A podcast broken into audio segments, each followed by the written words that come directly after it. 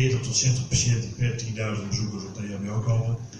En daar nog steeds een derde van is, uh, is drugsgerelateerd bij dansfeesten.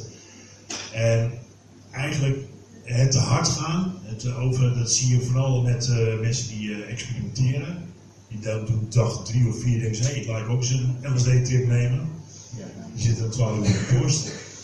Uh, heel gezellig, heel langdurig. Uh, maar wij, waar wij inderdaad de meeste klachten van zien is toch dat mensen met, uh, met, met wonder- of uitputtingsverschijnselen komen. Of dat ze niet goed gegeten hebben, niet goed geslapen, onvoldoende vocht hebben gedronken. in bomen hangen, in vijvers, alles dingen. Ja, dus en dat is denk ik dan nog het grootste gedeelte wat bij ons uh, op de borst komt in plaats van alleen te hard gaan. Het is opvallend hoe vaak het goed gaat ook. En mijn vooroordeel is, ik zie meestal ook de gevallen waarbij het misging, jij ook. Maar procentueel gaat het natuurlijk uh, vaak goed. Uh, als je zegt uh, ontlasting van je receptoren, is het toch beter dan receptoren in je ontlasting. en dan zou ik toch dan als ik mensen na twee dagen achter elkaar veel uppers zie nemen, hou je gewoon je hart vast. Maar het kan kennelijk goed gaan. Maar als je dan inderdaad ook nog eens een zwaar eroverheen neemt, dan is de set om te gebruiken gewoon niet veilig genoeg. Het enige wat ik kan voorstellen is één dag uppers en je wil per se, dan kom je toch op de downers uit. Wat dan meestal goed kan gaan. Maar ja, dan ligt het pit op je festival. Ja, in, in 90% van de gevallen is een combinatiegebruik, of eigenlijk uh, meestal combinatie met alcohol. Enkelvouden van een pilletje of een trippel, dat, dat, gaat bijna nooit mis. Ik denk het over 1, 2 gevallen. Maar uh, ik denk 80 tot 90% van de drugsgevallen is alcohol bij het spel.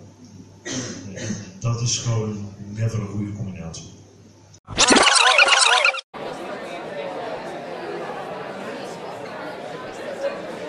Oké, nu gaan we dan toch echt beginnen, dames en heren. De laatste drie mensen krijgen uh, hun thee of hun biertje aan de bar. En uh, voor iedereen die niets heeft gehaald, we hebben gelukkig ook een pauze. En dan kan je nog steeds uh, wat te drinken pakken. Of na afloop kan je natuurlijk ook blijven, blijven in de Tivoli. Ehm, we zijn vanavond op een college, dus graag telefoons uit. Mijn eigen zo meteen ook nog even uitzetten, denk ik. En een andere huishoudelijke mededeling is er uh, media aanwezig die wat wil uh, gaan schrijven. Dat uh, mag. dus dat is in ieder geval goed nieuws. maar we praten ook al over wat taboes. Dus als je je niet vrij genoeg voelt omdat de media in de zaal zit, dan, nou, dan weet je in ieder geval dat dat zo is. Ehm, maar wat mij betreft uh, kunnen we vanavond allemaal uh, zeggen wat we willen over uh, drugs. Um, dit college organiseren we vanuit Unity. Unity is een landelijke vrijwilligersorganisatie. met bijna 180 vrijwilligers werken we samen om voorlichting te geven over alcohol- en drugsgebruik. En daarmee richten we ons op de recreatieve gebruiker. Dus we zijn geen uh, verslavingsexperts. Uh, we zijn wel experts op het gebied van harm reduction. Dus jullie voorlichten over hoe je het voor jezelf zo veilig mogelijk kunt maken bij het gebruik van misschien niet zulke hele veilige middelen. Uh, we geven per jaar op zo'n 200 evenementen voorlichting. Dat betekent dat we met een stand nou, zoals hier staat, soms veel groter uh, uitgepakt. Uh, met een team vrijwilligers aanwezig zijn om met jullie als bezoekers in gesprek te gaan en jullie ook voorlichting te geven. Net wat wijzer naar huis te sturen dan dat jullie kwamen. Uh, die gesprekken zijn vaak zelfs één op één ook met bezoekers. En vorig jaar hebben we zo'n 15.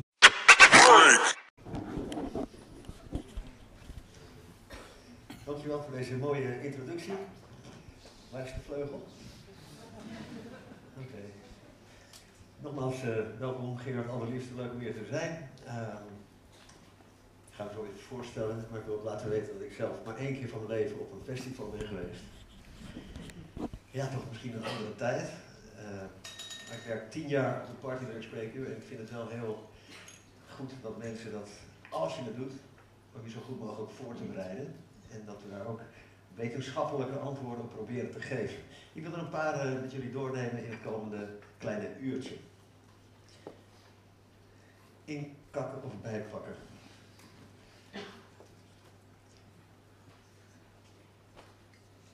Drugsinfoteam.nl Dat is de website van onder Breider Jeugd, Spannend, waar ik voor werd gevraagd om uh, antwoorden te gaan geven op drugsgerelateerde vragen. En daar kwamen wij merkwaardige nieuwe klachten tegen. Net werd er gevraagd, wie heeft er wel eens klachten die eerste dagen, weken na gebruik, gingen veel handen omhoog. Het liefst zou ik meteen aan iedereen vragen, welke dan, wat voor klachten. Maar wie weet lukt dat nog vanavond in de nazit. Maar naar aanleiding van nieuwe klachten, nieuwe symptomen, hebben we dat Party opgericht. Daarin zijn we in Nederland nog de enige binnen verslavingszorginstellingen. En daarmee is het ook landelijk. Mensen kunnen van Limburg tot Groningen bellen, krijgen een half uur een gesprek. En als het echt nodig is, komen mensen echt langs naar Alkmaar, waar we gevestigd zijn. En krijgen ze dan een intake van twee uur en een bijpassende behandeling. Daaronder uh, mijn website, als je geïnteresseerd bent in muziek. Uh, geheel terzijde. Uh,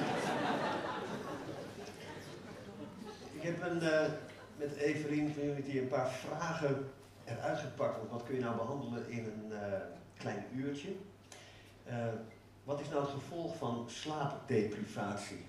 To deprive from, gewoon een nacht doorhalen. Hoe erg is dat nou eigenlijk? Wat zijn mogelijke wisselwerkingen?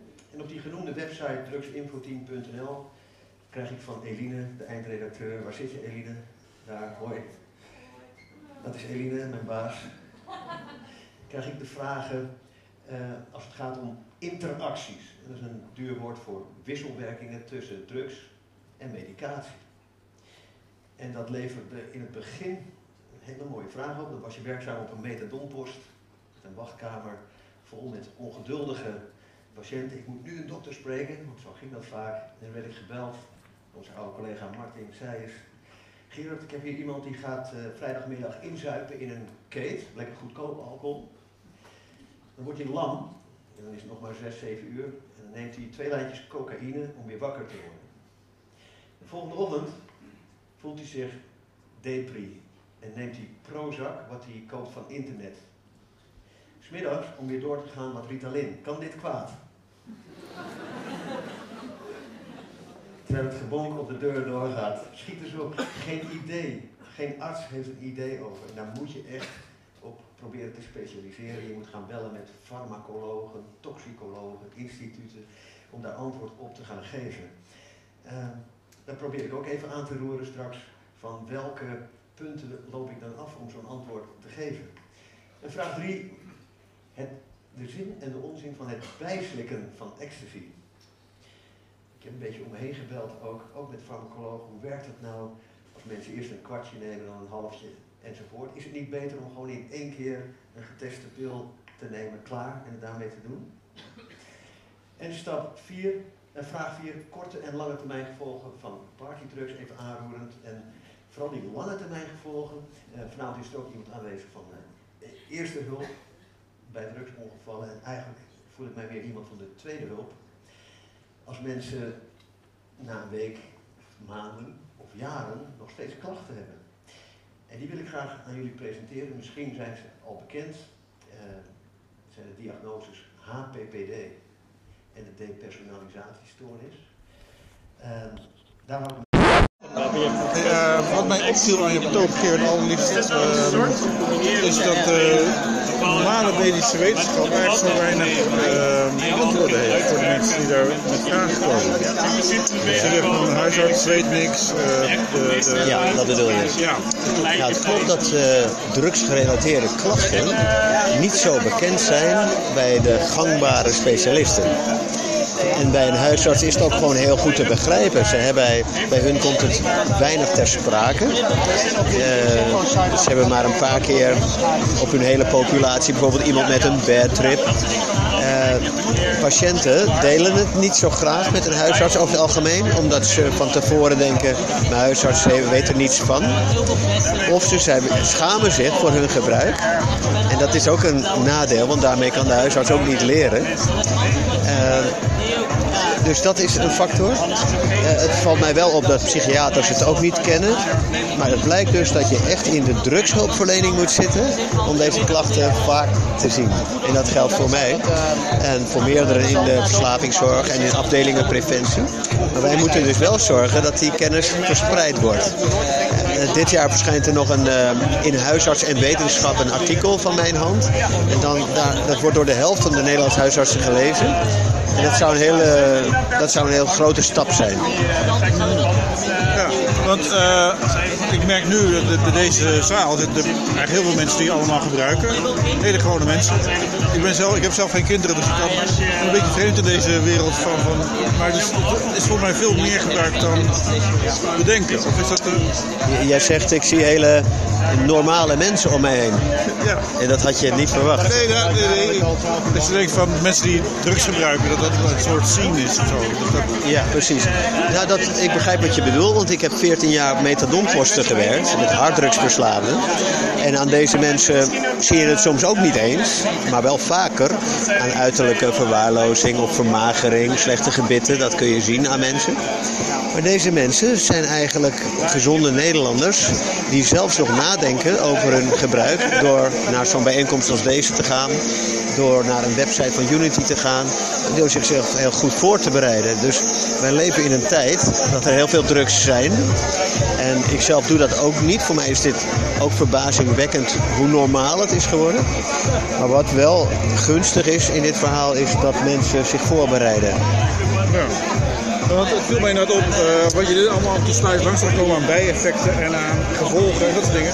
Als ik dat op een bijsluiter zou vinden van een pilletje tegen hoofdpijn, dan zou ik het nooit nemen. Ja, ja dat kan ik me voorstellen. Je praat er toch vrij uh, over als dat, het normaal is dat mensen het nemen, zeg maar. Dus... Ja, nou ik, ik heb wel erbij gezegd, deze dingen kunnen gebeuren. En dat ik ook zelf als arts bevoor, veroordeeld ben. Ja, bevoordeeld ook, maar bevooroordeeld omdat ik zie de gevallen waar het misgaat. Maar we zijn heel eerlijk als we zeggen, het gaat meestal goed. Maar het is wel goed om deze kennis te delen dat als het misgaat, uh, welke verschijnselen dat zijn. En dat als je die krijgt, die verschijnselen, dat je niet meteen doods en doodsbang hoeft te zijn dat het nooit meer overgaat. Of dat je uh, een tumor hebt of een psychose. Maar dat het gewoon andere diagnoses zijn van lagere ernst dan waar je voor vreest. Dus die kennisverspreiding is goed. Oké, okay. nou, dankjewel tot zover. Nog even, uh, je treedt ook nog op als zanger, toch? Doe ik ook nog, ja. ja Twee, drie keer in de week, is een andere baan. Oké, okay. nee. nou, leuk om je even gesproken te hebben. Is leuk.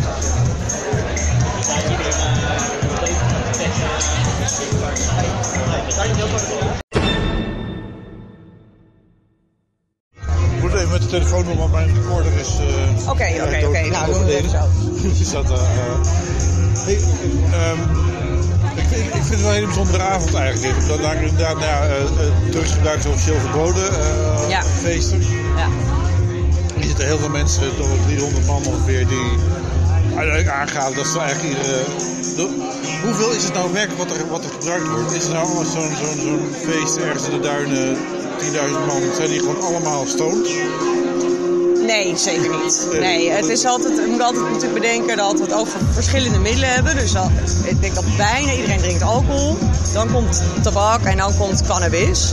En er is een verschil in type feest. En we weten dat zeg maar, over de, als je over de hele bevolking kijkt, mensen tussen de 15 en 34, wat een beetje de jong, uh, jong volwassene groep is.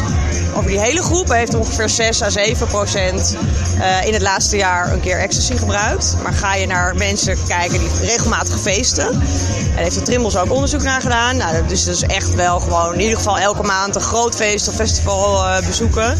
Dan zit je al ongeveer op de bijna 50 procent. Wat het in het afgelopen jaar en op echt eh, meer andere feesten soms afgelopen maand. Dus nog steeds is meer dan de helft gebruikt geen ecstasy. En ecstasy is van de illegale drugs wel echt nog steeds verreweg de populairste. Eh, maar als je blowen en zoals je dat allemaal bij neemt, dan is het natuurlijk wel een heel groot deel eh, onder invloed. Maar eh, ja, wat we ook altijd wel proberen duidelijk te maken is nog steeds de meeste mensen die uitgaan en het uitgaansleven wordt steeds meer mainstream, zeg maar. Dus de groep die niet gebruikt wordt ook steeds groter. Ehm, dus het is, er zijn verschillende ontwikkelingen. Aan de ene kant wordt ecstasy populairder, maar er gaan wel heel veel mensen uit. En dan is nog steeds de meerderheid niet onder invloed van illegale middelen. Nee. Is, alcohol nou een groter probleem dan eh, die harddrugs, de ecstasy en dat soort dingen? Nou, op het gebied van uh, acute gezondheidsproblemen zeker. Want het ging net natuurlijk vooral over, over drugs. Maar de EHBO ziet veel meer mensen met eh, problemen door alcoholgebruik. Op lange termijn ook. Ook omdat gewoon heel veel meer mensen alcohol drinken. Maar alcohol is wel een legaal middel. Dus als je het hebt over eh, criminaliteit en eh, die problemen misschien aan de deur. En mensen die daar geheimzinnig over doen en niet naar de EHBO durven. Ja, dat, dan zijn de illegale middelen natuurlijk wel een groter probleem. Ehm, en wat je net ook al hoorde, heel veel mensen combineren het. Dus je kan het bijna niet meer zo uit elkaar halen. Maar eh, ja, er zijn veel meer mensen die heel ve- veel, veel te drinken tijdens zo'n festival. Zeker een meerdaags festival. En daarmee in de komen dan mensen die, die andere middelen gebruiken. Alleen de ernst van de klachten kan natuurlijk bij sommige illegale drugs wel echt heel heftig zijn. En misschien wel heftiger dan met alcohol. Dus dat, dat hangt er maar net vanaf. Ja. Is het denkbaar dat er een festivalcultuur komt zonder drugs? Als je al- alcohol ook als druk ziet, denk ik zeker niet. Eh, maar ja, ik, ik vind het op dit moment me moeilijk voor te stellen. Omdat eigenlijk als je naar de hele geschiedenis kijkt, mensen al op zoek zijn naar een bepaalde roes. En het, het is ook eh, even dingen laten gaan. eh, ja, allerlei dingen die mensen zoeken op een festival. Daar past dat middelengebruik wel bij. Maar wij weten ook dat het heel erg trendgevoelig is. En we hebben ook een tijd gehad, we spraken over de nieuwe nuchterheid. Toen zagen we in onderzoek dat er veel minder drugs werden gebruikt. Was het gewoon even niet cool? Was het niet eh, in de mode? Nu is het, begint die ecstasy weer populairder te worden. Wie weet komt er wel een tijd dat we heel dat gezondheidsidee, wat er nu ook natuurlijk belangrijk is, zo ver doorvoeren dat, dat we bijna geen drugs gebruiken. Allemaal aan de groene thee. eh. Ja, ik, ja, ik, maar heel eerlijk gezegd, als je mij nu vraagt, ik kan het me niet voorstellen. Nee, nee, nee. Dankjewel.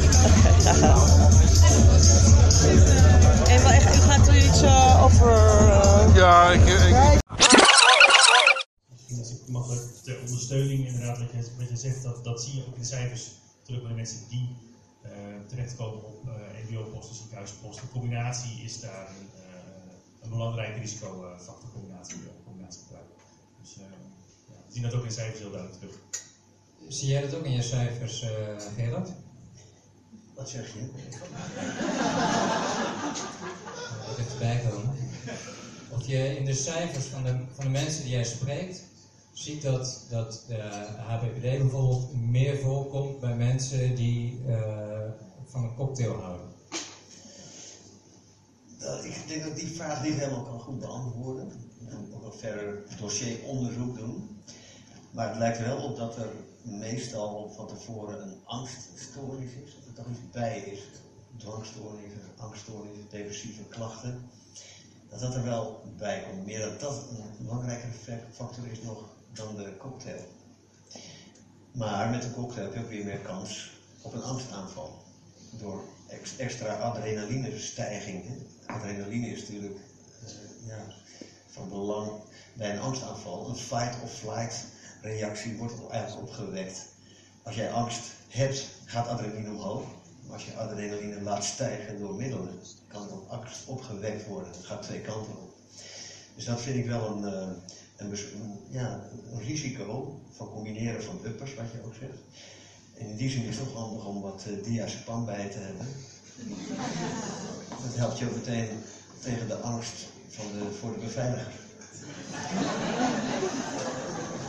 En dat verbetert dan weer je set. En, en- als ik die niet mee heb, kan ik die bij jou dan gewoon krijgen? Mag dat of niet? Dus apotheker, eh, Alles is te koop. Nee. nee, we maken het wel mee dat inderdaad mensen bij ons medicatie komen vragen eh, op dat gebied. Maar we zijn geen apotheek. Helder. Eh, andere vraag hier eh, vooraan. Ja, ik was uh, voor Mark en Paco. Hebben jullie het idee dat zeg maar, eh, de mensen uit jullie beroepsgroep vaak zelf ook ervaring hebben met als ecstasy of juist niet? Mag ik liegen? Als je zegt dat je gaat liegen, mag je liegen. We kunnen ook nu de microfoon eh, van jou even uitzetten. Ja, kijk, uh, niemand is roomser dan de paus. Uh, ook beveiligers niet. Volgens mij ben ik een van de weinigen die echt geen drugs gebruikt. Maar... In. Ik wil bijna niet dat horen. um, nou, uh, de meeste mensen, verpleegkundige artsen, denk zijn allemaal in leeftijdscategorie uh, 20, 30. Uh, ik hoor redelijk wat ervaring. Dat wel. En daarnaast is bij ons wel eigenlijk verplichting mensen die op DSV staan wel één training volgen. En daar dan ook wat meer kennis over hebben en ook meer kennis kunnen overbrengen. Ik vind niet dat het een must is, omdat wij uh, behandelen altijd iemand naar het beeld. En het is handig om te weten dat iemand iets op heeft. Ja, dan kunnen we de situatie voorspellen.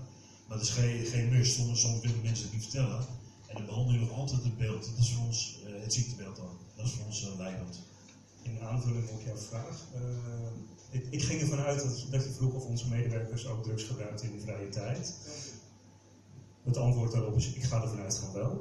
Uh, en een aantal van onze medewerkers hebben inderdaad ook EHBD, EHBDU uh, ja, training, cursus. Ja, uh, gehad, in ieder geval voor de herkenning en uh, daarop te kunnen acteren. Dus oftewel, de beveiligers, of in ieder geval een deel van de beveiligers die je kan tegenkomen op een, op een feest of een festival, hebben ook medische kennis en, en eerste hulpkennis over Eerste uh, hulp bij uh, uitgaansongelukjes, waar staat dat voor? Eerste hulp bij drugs, uh, uh, drugsincidenten en uitgaansgebied. het wordt ook steeds vaker als voorwaarde gesteld, ook in clubs, door, door de vergunningverlener, dat er EBD-kennis aanwezig moet zijn. Zo werkt Ferry weer samen in dat plaatje. andere vragen nog? Misschien aan deze kant? Ja? voor mij gebeurt het heel duidelijk wat nou de maximale hoeveelheid is die wij nog hebben als zelf wanneer word je opgepakt, wanneer word je van de club uitgezet, waar word je gewenst? Ferry, weet jij dat misschien? Uh... Ik weet de theorie, hij weet de praktijk. Uh, niks. Ja, je mag niet uh, allemaal meenemen, dat is de grens. Hoe gaat het in de praktijk? in de praktijk wisselt dat nog wel eens, dat heb ik zelf gezien. Soms, als ze het ontdekken, dus, nou, soms word je niet toegelaten. Dat hangt af van het van het feest. Maar de praktijk is dat je niks, je mag geen harddrugs hebben. Je wordt niet vervolgd voor een gebruikershoeveelheid. Als je gepakt wordt met pil of uh, gaan koken of een buisje G, zul je niet meteen vervolgd worden. Maar het is niet zo dat je het mee mag nemen. Bij nul. Eén pil, een, een halve gram, buisje, buisje G, nou één, eenheid. En daarvoor word je, niet, niet vervolgd. Maar het is niet zo, die vergis eerst wel eens, dat je een bepaalde hoeveelheid pillen mee mag nemen. Ik weet, een aantal jaar geleden in Amsterdam uh, ontstond die verwarring dat je tot drie of vijf pillen mee zou mogen nemen. Nee, de afspraak was als je, dat, als je daarmee aangetroffen werd, werd je niet verder vervolgd. Nou, dat is dus een, uh, een duidelijk verschil. Misschien kun je iets meer vertellen hoe dat in de praktijk gaat. Want dat wil nog wel wisselen, denk ik, de ene en de andere keer hoe omgaan. Uh, de praktijk is het niet, is in de praktijk is het niet zo dat wij als beveiligingsbedrijf kunnen bepalen of de organisatie kan bepalen wat, wanneer wij aanhouden, dan wel uitzetten, dan wel overdragen aan politie. Dat is doorgaans de vergunningsverstrekker. Die bepaalt of er een zero tolerance beleid uitgevoerd moet worden, of er een gedoogbeleid is. en zij geven ons hooguit een beetje tools om daarmee te kunnen schipperen. Oftewel vooraf even bij de betreffende gemeente informeren. En... Dat is wel een belangrijk punt dat zij ook aangeeft, is dat het inderdaad, dus er is wel een grens met gebruikers vanuit een dierenindicatie, maar wat, wat wij nog wel eens merken is dat mensen inderdaad dan denken, ook al wordt het in beslag genomen, dat ze nog naar binnen mogen. Maar de meeste gemeenten voeren wel beleid dat hoeveel ze ook vinden, je, je komt dat feest niet op. Dus en dan wordt het misschien geen proces verbaal, maar je wordt wel gestraft in die zin van dat die leuke dag of avond, ja, je, komt er weer in. En die afspraak wordt vaak met de organisatoren gemaakt van, nou, oké, jullie controleren dat, wij gaan niet zware politieforce undercover op dat feest laten lopen. Maar als iemand gepakt wordt, dan is het inleveren en uh, naar huis. En met hoeveel pillen of gram poeder mag ik bij de testservice aankomen dan? Kan ik er ook uitgezet worden? Nou ja, ja nou, niet zozeer uitgezet worden, maar wij hanteren, moeten wel ook uh, natuurlijk een heel strikt protocol volgen. Je mag bij de testservice maximaal drie samples uh, bij hebben. Dus dat kan één pil en een beetje poeder en een SD-zegel zijn, maar niet meer dan drie. Als iemand uh, meer dan drie samples bij zich heeft, is dat gewoon een dealerindicatie. En wij mogen niet testen voor dealers, niet voor derden, dus ook niet voor vrienden van, niet voor ouders, niet, ook niet voor dealers. We zijn echt een service voor consumenten, dus het heeft verschillende redenen. Het is belangrijk voor ons om ook informatie te krijgen natuurlijk van mensen. Van uh, hoe ga je er mee om? We stellen ook vragen over, over ervaring, het levert waardevolle informatie op. Maar ook als er blijkt dat jouw labuitslag dat er iets mee aan de hand is, dan willen wij dat gesprek voeren met de consument vanuit het gezondheidsperspectief. En niet een service zijn die, ja, het is nou eenmaal illegaal, dus anders word je een service voor het criminele circuit. En daar zijn we niet voor bedoeld. Helder. Uh, er was hier vooraan ook een vraag. Ja?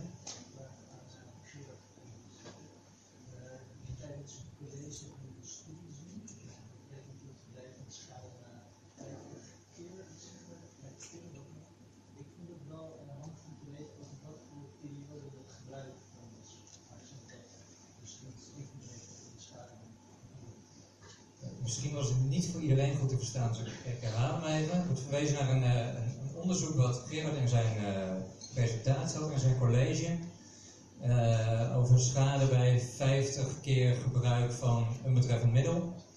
Maar over welke periode was dat nou? Was dat 50 keer in een week of 50 keer in uh, 20 jaar feesten?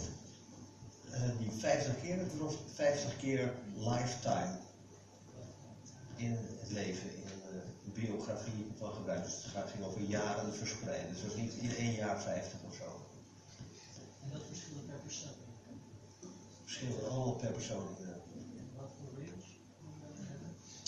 Ik moet even nakijken, maar ik moet even nakijken. Ik kan je het artikel wel laten zien. Op deze presentatie kan ik aan jou geven, dat je het straks zelf uh, naleest. Master Brain, Brain maar helaas uh, niet alles uh, in het hoofd natuurlijk. Uh, maar contact mij of Gerard en dan kunnen we daar aan terugkomen. Andere vraag, ja. Ja, ik vraag een vraag ook. want je vertelde dat het bezit van drugs wel nagevoerd kan worden, maar het beheer van de drugs niet. Maar stel, ik kom helemaal schrap een festival binnen, kan ik dan nog steeds wel het festival van mij opkomen? Oftewel, is het, nou, is het nou een goed idee om voordat je door die poort heen gaat, je helemaal vol te stouwen, zodat je daarna in ieder geval niet meer gepakt kan worden door de? Ik zou bijna willen vragen, wat denk je zelf? ja. Kijk, uh, veiligheid van de bezoekers is natuurlijk ook nog voor een groot gedeelte onze verantwoordelijkheid. Uh, als mensen te ver heen aan het bord uh, verschijnen, en ze kunnen nauwelijks meer op hun benen staan, dan zullen ze wel de toegang ja, moeten weigeren. Dus ik zou het wat gedoseerder doen, als ik uh, mag zeggen. Nou, nou, nog een vraag. Wij doen een festival overdag die veel springen, maar als het een afterparty geldt, dan zijn mensen allemaal duidelijk al in Dan wordt er wel heel anders naar gekeken. Nou, ik denk dat je dan alsnog kijkt of mensen nog in staat zijn om een verantwoordelijkheid te nemen als bezoeker en als, uh, of dat ze geen gevaar leven. Als mensen nauwelijks op hun benen kunnen staan, compleet lopen te malen en schuimbekken en eigenlijk rechtstreeks door moeten naar uh, de EMBO-post, dan is het wel een reden om mensen te weigeren. Ja, helder. Oftewel, uh, als je gebruikt op een feest, is het nog steeds belangrijk dat je verantwoordelijk kan zijn voor je eigen gedrag, geen gevaar bent voor andere bezoekers, geen gevaar bent voor jezelf. Eens. Eens. Dus mag ik het denk ik ook mee eens. Anders komen we uiteindelijk weer bij jou terecht. Wel werk, werkverschaffing. Nou ja, en, en, nog één allerlaatste ding, er zit nu geen organisator, maar dat je ook geen gevaar bent voor de vergunning van degene die dat evenement organiseert waar jij zo graag komt. Dat vergeten we ook nog wel eens. Dat als er wel incidenten zijn omdat jij wel totaal onverantwoord hebt gebruikt en er gebeurt iets, dat dat soort dingen hebben ook consequenties uiteindelijk voor de scene waar we allemaal zo graag onderdeel van hebben. Dus, dus oftewel, als je, als je jezelf niet weet te gedragen op een festival, dan kan, het, kan dat ervoor zorgen dat volgend jaar dat festival niet meer georganiseerd mag worden. ja, of de club eh, kan in problemen komen. Dat kan misschien niet bij één incident, maar ja, we hebben wel ook een gedeelde verantwoordelijkheid voor, voor die plekken en voor, voor de situatie. Knoop dat alsjeblieft eh, goed in je oren. Eh, tijd voor eh, één vraag nog. Sorry, ik. Ehm, eh, eigenlijk een ander soort vraag eh, dan wat we tot nu toe hebben gehad, maar waar ik wel vanavond hier naartoe kwam. Eh, was, mijn beeld was uh, drugs op meerdaagse festivals. Ehm, in hoeverre is het nou verstandig om dat meerdere avonden te doen? En ja, dat is natuurlijk nooit heel verstandig. Ehm, kun je dan het beste je tot één avond beperken? Of is het beter om dat te verspreiden? Heeft het eventueel zin om eh, verschillende soorten drugs op over de twee avonden te doen? Ehm, om eh, bepaalde receptoren te ontlasten. Peter, Peter, kan jij een spreidingsadvies geven? Eh, ja, zeker. Nou, het is een goede vraag en ik denk ook wel een vraag die ook wij bij de Unity Stand wel krijgen en, en wat we ook wel in gesprekken met mensen merken. Dus dat zeker als je iets meer van drugs af weet, dan weet je wel welk middel je serotoninesponsje leeg wringt en welk middel je dopaminesponje leeg wringt. En zo kun je een gunstige combinatie eh, creëren om eh, drie dagen festival efficiënt door te komen. Dat soort vragen spelen wel bij gebruikers. Ja, de vraag is of het verstandig is. Ehm, ik denk dat iedereen wel diep van binnen kan bedenken dat drie dagen eh, drugs naar een festival gaan sowieso geen gezond idee is. Ehm, en dat je dus wel wat dingen kunt doen om die risico's te beperken. Ehm, ik paas hem dadelijk door naar Gerard over de medische consequenties. Want kan me voorstellen dat inderdaad een dopamine eh, middel, zoals een speed bijvoorbeeld, en eh, ecstasy wat meer op je serotonine werkt, dat die twee elkaar beter zouden aanvullen dan drie dagen op ecstasy doorhalen. waarvan je als gebruiker wat minder effect merkt op een gegeven moment. Dat Gerard ook al aangeeft omdat je serotonine, serotonine op een gegeven moment op is. Ehm, maar los daarvan, als je drie dagen doorhaalt of drie dagen verschillende middelen gebruikt, je eigenlijk gewoon drie dagen onder invloed, afhankelijk van de middelen die je gebruikt. Wat ook weer invloed heeft op bijvoorbeeld je slaap, wat dus ook invloed kan hebben op daadwerkelijke trip en ook de kans bijvoorbeeld op een vervelende ervaring. Als jij een, eerste dag op ecstasy hebt doorgehaald en je gaat de volgende dag bijvoorbeeld overdag een zegel LSD nemen, en dan denk ik dat je minder goed in staat bent om dat te handelen en de kans is groter dus dat dat fout gaat. En het is misschien niet per se een fysiek risico wat je loopt, maar ook een hele intense, misschien bad trip ervaring kan, ja, kan gewoon wel heel risicovol zijn. Dus ik denk dat dat ook wel iets is om rekening mee te houden als je toch besluit om, om dus een combi van verschillende middelen te gaan gebruiken om de risico's qua acute lichamelijke effecten te beperken. Heb jij daar misschien nog een laatste, laatste aanvulling over? Maar ik, heb, ik wil even wat aanvullen daar. Want je hebt het nu over, eh, dat ben jou goedkeuren hoeveel je mag gebruiken, wat dan ook. Eh, wat wij zien is met, met name festivals niet eens zozeer dat men eh, te veel op, op een moment gebruikt, maar beter, beter te spreiden. Wat er gebeurt is dat eh, drugs, alcohol met name ook, eh haalt signalen van je lichaam weg. Slaap is er eentje bijvoorbeeld, je gaat door. Maar het is ook pijn, het is ook honger, dat soort zaken. Mensen verzorgen zichzelf heel erg slecht gedurende die drie, vier, vijf dagen. En als dan aan het, eh, na een dag drie of vier, dan komen mensen bijvoorbeeld met eh, gebroken enkels binnen of eh, wonden en dergelijke, die ze al twee dagen verwaarloosd hebben. Dus niet zozeer van ik heb geen dopamine meer of serotonine meer, maar ook de lichamelijke klachten, de, de, de, verwondingen en dergelijke, die worden ook hoger door het, het gebrek aan ja, wat je voelt aan signalen. En hoe vaak, hoe vaak zie je dat? Nou ja, ehm, het hangt echt van het feest af. We werken met een medical usage rate van 40 tot 60. Dat betekent dat 40 tot 60 patiënten per 10.000 bezoekers op de EHBO komen. En daar steeds een derde van is, eh is drugsgerelateerd bij dancefeesten. En eigenlijk het te hard gaan, het eh, over, dat zie je vooral met eh, mensen die eh, experimenteren. Die dan doen dag drie of vier denken ze, hé, ik laat ook eens een LSD-trip nemen. Die zitten dan 12 uur de borst.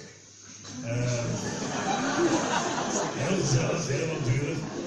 Eh, maar wij, waar wij inderdaad de meeste klachten van zien is toch dat mensen met, eh, eh, met, met wonden of ontstekingsverschijnselen komen, of dat ze niet goed gegeten hebben, niet goed geslapen, onvoldoende vocht hebben gedronken, in bomen hangen, in vijvers, alles. Ja, dus en dat- dat is denk ik dan nog het grootste gedeelte wat bij ons eh, op de borst komt in plaats van alleen te hard gaan. Het opvallend hoe vaak het goed gaat ook. En mijn vooroordeel is, ik zie meestal ook de gevallen waarbij het misging, jij ook. Maar procentueel gaat het natuurlijk eh, vaak goed. Ehm, als je zegt eh, ontlasting van je receptoren, is het toch beter dan receptoren in je ontlasting. En dan zou ik toch dan, als ik mensen na twee dagen achter elkaar veel uppers zie nemen, dan hou je gewoon je hart vast. Maar het kan kennelijk goed gaan.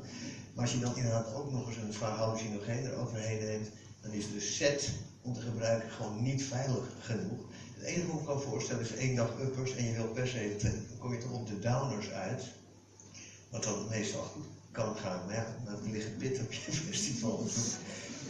Ja, in, in 90% van de gevallen is een combinatiegebruik, of eigenlijk eh, meestal combinatie met alcohol. Enkelvouden van een pilletje of een trippel, dat, dat, gaat bijna nooit mis. Ik heb het 1, 2 gevallen. Maar eh, ik denk 80 tot 90% van de drugsgevallen is alcohol bij het spel. Eh, dat is gewoon never een goede combinatie. Daarmee moeten we helaas afronden voor, voor vanavond. Ik denk, ik, ik hoop dat we allemaal wat beter voorgelicht het eh, festivalseizoen ingaan. Dat we vooraf allemaal bij, eh, bij Judith langskomen. Dat als we dan naar binnen willen, zorgen dat we in ieder geval langs Paco komen. en door mogen. Op het feest maken we een praatje met Peter. Mark zijn post blijft dit festivalseizoen leeg, hoop ik. En dat we niet na het feestje allemaal met Gerard aan de lijn hangen en zeggen... "Eh, Ik zie zoveel rare dingen. Ik weet nog niet of ik er nou van geniet, ja. Dan mag ik er ook nog een reden noemen waarom ze mij tegenkomen. Jazeker. Ja. Download de Red Alert app van het Rippels. Wat? Oh kijk, zelfs applaus. Daar vind je de extra gevaarlijke pillen en poeders die in omloop zijn op de drugsmarkt en die we kunnen detecteren dankzij het werk van Judith onder andere. Eh, die vind je daarin. Dus kun je altijd even checken. Als je niet naar de testservice gaat, wat je dus wel moet doen eigenlijk. Als je dus niet naar de testservice gaat, in ieder geval even die app testen.